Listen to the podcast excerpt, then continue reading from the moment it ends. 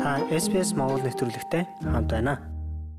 За сайн байцгаана уу SBS Mongolian радио сонсогчдоо. Тэгэхээр энэ өдрүүдэд Монгол улсын Ховд аймгийн засаг дарга болормоо Австрали улсад айлчилж байгаа Австралийн гадаад харилцаа худалдааны яамны урилгаар яг энэ өдрүүдэд ажиллаж байгаатай нь бид таарч цөөн хором ярилцах боломж олцсон. Тэгээд бидний урилгыг хүлээж авч ярилцахаар цаг гаргасан болормоо засаг дарагт баярлалаа. За маш их баярлалаа. Сайхан амарч гин үү. Австрали улс бүх монголчуудаа энэ өдрийн мэндийг хүргье. За баярлалаа. Манай энд ч одоо хавар болж байгаа шүү дээ. Хавар харин би бас нэг хэдэн монголчуудаа болчиход одоо сайхан хаварж гин үү гэж одоо та бүхэнд хэлэх ёстой юу гэд бас ярилцчихлаа. Тэгэлгүй яг хөө тэгээд Монголын намрын цагаар Австралид бол яг хавар болоод уран дулаан цаг ирж байгаад Австралид та ямар ажиллаар ирв хизээ буусан бэ? Миний хувьд уржигдэр Австрали улсад ирлээ. Анх удаага Австралид ирж байна. Их сайхан газар байна. Австралийн засгийн газрын урилгаар гадаад харилцааны яамны Special Visits Program гэж зохион байгуулалт юм байна. За үүний урилгаар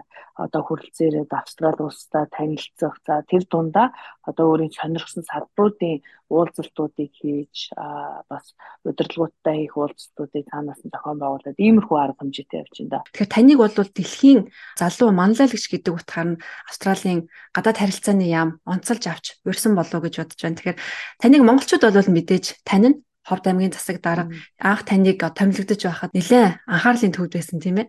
А гэхдээ таныг ягаад дэлхийн манлайлагч гэдэг утгаар харсан болоо та нэг юу гэж бодож байна? Таны өмнө хийж байсан ажлууд бас энд нөлөөсөн байх гэж бодож байна. За баярлалаа. Би бас товчхон танаа одоо сонсогчдод өөрийгөө танилцуулъя. За намайг Инх Батын болормаа гэдэг За миний хувьд болохоор Америкийн нэгдсэн улсад ерөнхийдөө дээд боловсрлоо эзэмшсэн. Монголдо төрж өсөөд 10 жилээ төгсөөд тэгээд бакалавра болон магистрийн зэргийн Америкт төгссөн байгаа. За эдийн засагч мэрэгчлээ олон улсын харилцаа за тэр дундаа environmental science буюу одоо байгаль орчин хамгаалтын чиглэлээр бол одоо сурч бас төгссөн double major гэж economics and international studies буюу эдийн засаг болон олон улсын харилцааны одоо юм давхар мэрэгчлээ төгсөөд тэгээ магистрийн зэрэгээ бол төрийн удирдлагын буюу нийтийн удирдлагын гэж ярьдаг байгаа Masters of Public Administration тэр дундаа хөгжлийн бодлого Development Practice-аар Columbia University New York төгссөн байгаа. За тэрнээс хойш бол ер нь олон улсын байгууллагуудаар ажилласан. Дэлхийн банкны Төв офис, Washington DC дуурамжлалын өөрчлөлтийн чиглэлээр ажилласан. За гүйцэтгэх захирлын ажлын албанд ажилласан За мөн одоо Нубийн харьяатай гих Green Climate Fund олон улсын нөгөө уур амьсгалын өөрчлөлтийн одоо эсрэг ажилтны сан Аз номхон даалгаврыг хариуцж ажиллаж байсан. Тэр дунд Pacific бас нэлээд том портфолиотой байсан. Тэгэхээр Австралид ирж байгаагүй ч бас энэ бүс нутагтай холбоотой ажлуудыг бас баг зэрэг хийж байсан. За мөн бас Азийн дэд бүтцийн хөрөнгө оруулалтын банк гэж Asia Infrastructure Investment Bank ажиллаж байсан. За тэгээд Монголдо бол ерөнхий сайдын ажлын албаны дарга их албан тушаалыг ковидын үеэр ажиллаж бас нэлээд хариуцлагатай үед засгийн газар солигдоод ерөнхий сайд санал тавиад ажлын албаны дараагаар ажиллажээ гэд тэгээд Монгол руугаа эргэж буцаад ажилласан байгаа. За тэгээд хамгийн сүүлд Ховд аймгийн засаг даргагийн бас хариуцлагатай албыг хашаад явж байна. За дэлхийд энэ эмэгтэйчүүдийн манлайллыг нэлээд онцолж байгаа учир бас одоо магадгүй Австралийн засгийн газар үнийг хараад Монгол улсын бас эмэгтэй засаг даргыг энэ хөтөлбөрт урья гэж бодсон болов уу гэж бодож байна. Маш таатай байна. Таныг бас Монголоос анх удаа ирж байгаа залуу манлайлагч гэж ойлгосон. А энэ special visit program-аар өмнө нь Монголоос бол хүн ирж байгаагүй бах. А за яг миний ойлгосноор яг бас залуучууд гэмч онцлтгүй Ер нь улс орнуудын лидерүүд баг ирж байгаа хүмүүс тундаа хамгийн залуудаа орох нь бол би болов ихэнхдээ л одоо энэ тентгийн миний сонсноор сайднаар хурлын дарах ч юм уу те тиймэрхүү төвшний гэдэг хүмүүс. Таны саяны ажилласан салбаруудыг бас харж байхад надад энэ байгаль хамгааллын чиглэлээр ажиллаж байсан. Ялангуяа таны бэкграунд бол бас цаг агарын өөрчлөлттэй холбоотой ажлууд хийж байсан анхаарал татж байна. За яагаад гэвэл Австрали улс бол бас энэ цаг агарын өөрчлөлтөд тэмцэхэд хүчин чармаалт гаргадаг улсын хувьд энэ дээр бол хоёр талын сонирхол нийцж байгаа болоо гэж харагдаж байна. Ялангуяа эрчим хүчний салбар таны анхаарлыг татаж байгаа гэсэн энэ талаар та ямар уулзалтуудыг төлөвлөсөн байгаа вэ? За ер нь дэлхийн хэмжээнд уур амьсгалын өөрчлөлт бол яахын аргагүй одоо хамгийн том эрсдэл дагуулж байгаа асуудлуудын нэг гэж за Австрали улс те одоо томоохон арлын хувьд энэ уур амьсгалын өөрчлөлт нь байгальд нь хэрхэн нөлөөлөх те бороо хур байгалийн аюулт үзэгдлүүд гих мэтлээ олон зүйлсийн нөлөөнүүд байгаа. Монгол улсын хувьд ч гэсэн одоо уур амьсгалаас үүдсэн олон нөлөөллүүд бид нарт байгаа. Энийний хариу арга хэмжээ бол бид нар хүлэмжийн хийн ялгарлыг бууруулах. За Монгол улс ч гэсэн нэлээд бас амбицтай гэж шилж болох зорилтуудыг тавьсан байгаа хамгийн сүүлд бол та бүхэн мэдж байгаа манай Монгол улсын урт хугацааны хөгжлийн бодлого 19 онд их хурлаар батлагдсан. Алсын яраа 2050 гэсэн урт хугацааны хөгжлийн бодлого байгаа. За үүний дунд хугацааны эдийн засгийн бодлого нь бол шин сэргэлтийн бодлого батлагдсан байгаа. За энэ хүү бодлогыг боловсруулах ажлын хэсгийг миний би ерөнхий сайдын ажлын албаны дарга байх хугацаанд хахалсан байгаа. За тэгээ эрчим хүчний сэргэлт бол тэр дундаа бид нар маш том амбицтай зорилтуудыг тавьсан. Ер нь бол эрчим хүчний хангамжаа хоёр дахин ихсгэнэ гэдэг ийм зорилтыг тавьсан. Монгол улсын хувьд бол одоогоор нийт эрчим хүчнийхээ 20%-ийг импортоор авдаг. Тэгэхээр бид нар энэ 20%-ийн хараат байдлаас одоо эрчим хүчний хараат бус байдлыг бий болгох ийм зорилтыг бол шин сургалтын бодлогын хүрээнд тавьсан байгаа. Үүний нэг төсөл нь болохоор Ховд аймгийн газар нутагт хэрэгжиж буй Эрдэнэ бүрэнгийн усан цахилгаан станцын төсөл байгаа. За энэ маань бас тодорхой хэмжээний гацалтаа явж байгаад одоо ингээ бүх гацаанууд нь арилж ин дөнгөж өнгөрсөн 7 хоног эцсийн зөвшөөрлүүд зурагдаж эхэлсэн гэдгийг бас танаа сонсогчдод дуулгахад маш таатай байна. Яахан мэдээ. Бүрэнгийн усан цахилгаанс тийм энэхүү усан цахилгаан станц маань Монгол улсын хэмжээнд хамгийн том сэргийлт хэрчим хүчний төсөл болно. Тэгэхээр бид нар Оросоос тогны хувьд хараат байдлаа баруун бүсийн эрчим хүч одоо байхгүй болгоно гэсэн үг. Нарын 4-5 жилийн хугацаанд энэ хүү төсөл маань бүрэн хэрэгжиж дуусна. За тэгэхээр энэтэй холбоотойгоор Австралийн засгийн газрын бас тавьж байгаа зорилтууд за Австралийн эрчим хүчний салбар хэрхэн явагддаг талаар хэд хэдэн уулзалтуудыг зохион байгуулад уулзаад явж байна. New South Wales-ийн investment arm буюу одоо хөрөнгө оруулалт татдаг агентлагийн эрчим хүчний салбарынхантай уулзлаа.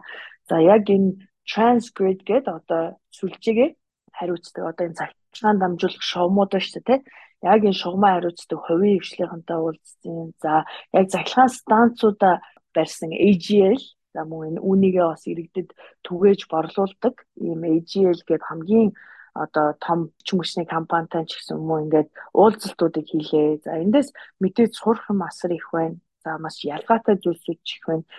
New South Wales буюу одоо Сидней орчмын энэ эрчим хүчний 50% нь бол сэргийгт гэрчим хүчнээс юм байна. За хамгийн өндөр байдаг нь бол одоо Adelaide орчимд бол 80% таа гэдэг юм penetration rate. Ингээд цаашдаа бол одоо байгаа нүүрсний станцуудаа хаах энэ төлөвлөгөөтэй байгаа талаар ярьж байна. За энэ цахилгаан дамжуулах шүлжээнүүдийн өргөтлийн талаар ярьж байна. За эрчим хүчний тогтвортой байдал бид аюулгүй байдал гэж их ярьдаг. Гэхдээ үүнээс гадна одоо тогтвортой буюу mixed energy use төрөл төрлийн их усрүүдээс эрчим хүч авахаар одоо нүүрснээс ч тэр те нарнаас ч тэр салхинаас ч тэр усан цахилгаан станцаас ч тэр ингээд цаашлаад одоо ус төрөгчөөс гих мэтлээ олон их усүүдээс авахаар энэ хоорондын зохицлыг нь хангадаг тийм одоо нөгөө доктортой байдлыг нь хангадаг ба шин шин технологиудын талаар бас сонслоо. Энд бодлогын төвшөнд яаж байгааг нь бас танилцаад мэдээж хамгийн том ялгаатай нь бол одоо энд эрчим хүчний салбар бол либералчлагдсан байгаа. Гэхдээ ер нь бол сүүлийн нэг 10-аас 20 жилийн дотор л явагдсан юм байна. За манай Монгол улсын хувьд болохоор сүлжээнүүд төрийн мэдлэл байх хэрэгтэй гэсэн ийм хуулийн зохицуулалттай байдаг.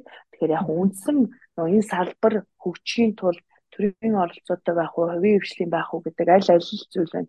Хувийн хвшилт амгаа авах одоо давуу сул тал гэд яриад тэгэхэд одоо аль аль талтай л байна. Заавал аль нэг гэхээс илүүтэйгээр одоо манай Монгол улсад бас аль нь илүү тохиромжтой вэ?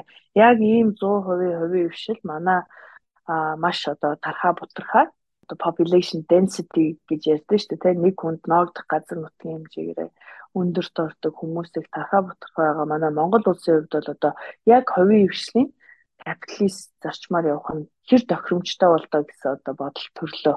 Олон жил яригдсан энэ станц бас удахгүй ашиглалтанд орж монголчуудад цахилгааны шинэ их үүсвэртэй болно гэдэг сайхан мэдээд болгосон баярлалаа. Монголоо сайн мэдээ сонсох манай монголчууд бол мэдээж дуртай байдаг. Тэгэхээр ховд аймаг бол Монголын хөдөө аж ахуйн маш том бүс нутаг шүү дээ маш олон хөдөлмөрч ард түмэн тэнд амьдардаг. Тэгэхээр Австрали улс бол бас өөрөө хөдөө аж ахуйн томоохон улсын хувьд энэ тал дээр бас таны харж сонирхож байгаа сэдвүүд олон байгаа гэж бодож байна. За миний бас яг онцлон Австрали улсаас суралцсан сонирхыг гэсэн хоёр салбар бол эрчим хүчний салбар тэр дундаа сэргийт эрчим хүч болон хөдөө аж ахуйн салбар байсан. А яг одоогор би нөгөө хөдөө аж ахуйн уулзалтуудаа хийж эхлэегүй байна л та. Тэгэхээр ийм зүйл гарлаа үзлээ мэдлээ гэж одоо тайлбарлах зүйл одоогор алга. А гэхдээ яагаад энэ салбарыг сонирхсан бэ гэхээр өөрөө яг он чиллээ манай ховд аймаг бол хөдөө аж ахуйн салбараар бас Монголдо ер нь л бусад аймагуудтайгаа ижил одоо төвшөнд явж байгаа. Бид бол цаашаага одоо үйлдвэр технологийн парк, шинэ ховд агро парк гэсэн хоёр төсөл улсын төсвийн хөрөнгө оруулалтаар ингээд дэг бүтсэн батагтаад явж байгаа. Тэгэхээр би энд одоо мөн одоо хөдөө аж ахуйн бодлого хэрхэн хэрэгждэг талаар сонирхож за тэр дундаа эрчимцэн мал аж ахуй хэрхэн явагдаж ч юм уу ер нь эдийн засгийн бүтцийн хувьд Австрали улсыг харахад манай Монголтой нэлээд төстэй л байна л да. Хамгийн том экспорт нь бол ерөөсөө л уулуурхаан салбар байна. Тийм дараагийнх нь бол гадаадаас ирж байгаа оюутнууд чинь нөгөө экспортондоо тооцогддог байхгүй юу? Ер нь бол нөгөө боловсролын экспорт шиг яг эдийн засгийн тооцоололтоо тэр нь бас нэлээд өндөртэй бас орд юм байна. Тэгэхээр энэ нөгөө бүтцэн төстэй байгаа улс орнууд бид нар одоо жишээлбэл өөр байгалийн баялаггүй оронтой яг адилхан ингээл үйлдвэржилт хийгээл явах нь хүн амцууд ажиллах хүчөөдөө орны хувьд бол хэцүү шүү дээ. Тэгэхээр эндээс иймэрхүү төстэй бүтцтэй эдийн засгийн бүтцтэй улс орон ялангуяа хөдөө аж ахуйгаа яаж хөгжүүлж байна гэдгийг онцгойлно сонирхъя гэж суралцъя гэж бас бодож байгаа. Австрал бол дэлхийн шилдэг лидерүүдийг урьж ярилцаж байгаа. Тэгээ таны бас нэг харж сонирхох салбар бол яа харахгүй манлайлагчдын тэр үүрэг оролцоо улс орны хөгжилд хэр байдаг вэ гэдгийг харах бах. Энэ талаар ер нь та хэр ойлголт одоогоор авч амжиж байна. Мэдээж айлчлал дуусах болоогүй дундаа явж байгаа болохоор тийм ээ одоогийн байдлаар. Аа за яг Австралиас онцлоод харахад жишээлбэл гадаад хэргийн сайдны эмэгтэй хүн байна тий. Эмэгтэй ерөнхий сайдтай байсан нэг удаа За миний бас уулзалт хийж байгаа яг хувийн хвшлийн дунд бол нэлээд эрэгтэй захирлууд ихтэй боловч төрд одоо магадгүй зохион байгуулалтанд хийж таарсан юм аа нэлээд их эмэгтэй удирдагч нартай уулзах уулзалтууд таарч байна. Тэгээд мэдээж мөн одоо ардчилсан орон хоёр том намтай үүнээс ч гэсэн бид нар суралцах зүйл их байгаа. Гэхдээ Монгол улсын хувьд бол улс орны хувьд төрт ёсны хувьд олон жилийн түүхтэй ч одоо ардчлалын хувьд бол харьцангуй богино түүхтэй. Одоо би өөрөө яг хөгжлийн бодлогын чиглэлийн хүний хувьд хэлэхэд одоо энэ орон шиг тэр орон шиг хөгжинэ гэж юу нь байхгүй. Энэ бүх орнууд ч өөрсдийн асар олон жилийн түүхтэй, өөрсдийн зовлонгоо туулж, тэ өөрсдийнхөө онцлогтойд харуулж хөгжиж яваа. Тэгээд цаг хугацаа хэмнэхийн тулд бид нар эндээс нь тэндээс нь сурах зүйлсүүд байлгүй л яг. А гэхдээ Монгол улсын хөгжлийн замналыг бол монголчууд л гаргана. Тэгээд энэ болгондоос Австралид байгаа монголчуудын маань оруулах хувь нэмэр бас их шүү. Ер нь гадаадд байгаа монголчуудын маань оруулах хувь нэмэр их би мөн л гадаадд жилж амьдарч исэн монгол хүний нэг байсан. Монгол улсынхаа төлөө дэлхийн хаанаас ч хүн хувь нэмрээ оруулж болно дээр чинээгээр хүмүүс оруулж байгаа. Мэдээж үүн дээр хүмүүс олон хэлдэг л одоо монголчууд бүгдээрээ гадагшаа явж ийн гэдэг ч юм уу. За би хувь хүний хувьд энэ дээр нэг тийм сөрөг байр суурьг байдаг. А энийг бол тодорхой хэмжээний апскилинг буюу тэр хүн чадвараа ахиулж гинэ л гэж хардаг. А монголчууд бид нар ярьдаг штэ гоё юм үзэж нүд тайлна гэж ярьдаг. Энэ бол үнэхээр гоё утгатай байхгүй. Бусад орны хүмүүсийг хараад монголчуудыг харахад манайхан илүү тийм дандаа шинийг гэрлэлж идэг тийм нүүдэлчин төмний шинэлэг өөрчлөсөн зүйлтэй сониуч зам яах аргагүй байдаг. Тэгэхээр тэр болгоноос олон зүйлсийг сураад эргээд одоо Монголд хувь нэмэр оруулнаа гэдэг итгэлтэй. Тэглэгээ хоо маш их баярлалаа. Яг миний асуух гэсэн асуултанд та төрүүлээд тарилчлаа. Тэгэхээр хөтөлбөрийн маань хугацаа бас дуусах төхөж байна. Би нэг мэдээллийг тантай хуваалцаа гэж бодсон. Австралид сүүлийн үед монголчуудын тоо нэлээ өсөж байгаа 2 3хан жилийн дотор монголчуудын тоо 3 дахин нэмэгдсэн. Тэгэхээр энэ дотор ер нь хүн амын эзлэх тоон дотор Ховд аймгаас ирсэн хүмүүсийн тоо их байдаг штэ гэдэг нэг тийм сонир мэдээлэл болсон. За ер нь манай Ховд аймагч Монгол улстай олон их садны олон ясны зэрэгтэй үлийн нутаг diversity англиар бол тийм. Аа за тийм хүмүүс чинь илүү шинийг ирлхийлж бас нэлээд холоос зорж ирсэн байна. Би бас энд байгаа ховдынхантайгаа 100 хэдэн монголчуудтайгаа сая уулзсан. Ингээд бас нутаг нэгт ахын дүүс маань энэ сайн явж байгааг хараад бас их сэтгэл үеийг сайхан байсан. За тэгээд бидний урилгыг хүлээж авч яг энэ завгүй хөтөлбөртэй айлчлахаа дундуур монголчуудаа хандаад ярилцлага өгсөн танд маш их баярлалаа. Таны ажлын айлчлалд амжилт хүсье. Баярлалаа. Тэглүү яг уу та бүхэндээ маш их баярлалаа. Бас ийм сайхан хөтөлбөрөөр монголчуудад дамжуулж мэдээ мэдээл түгээж байгаас өөртөө ийм сайхан ажил хийж байгаад бас баяр хүргэж цаашдынхаа ажилд нь өндрөөс өндөр амжилт хүсье. Ингээд энэ нэвтрүүлгийг бас сонсож байгаа нийт монголчуудаа хандаж хэлэхэд та бүхэндээ эрүүлийн аруу сайхан бүхнийг өрөөгөө бүгдөө зорсон зүйлдээ сайхан хүрээд эх орондоо эргэн уулзсан үлзийтэй сайхан өрөөлийг өргөн төвшүүлье. За за маш их баярлалаа танд. Сайн яваарай. За маш их баярлалаа. За амжилт хүсье. Та SBS Монгол нэвтрүүлэгтэй хамт байна. Бусад сонирхолтой нэвтрүүлгүүдийг SBS.com.cg Mongolian вебсайтаас аваарай.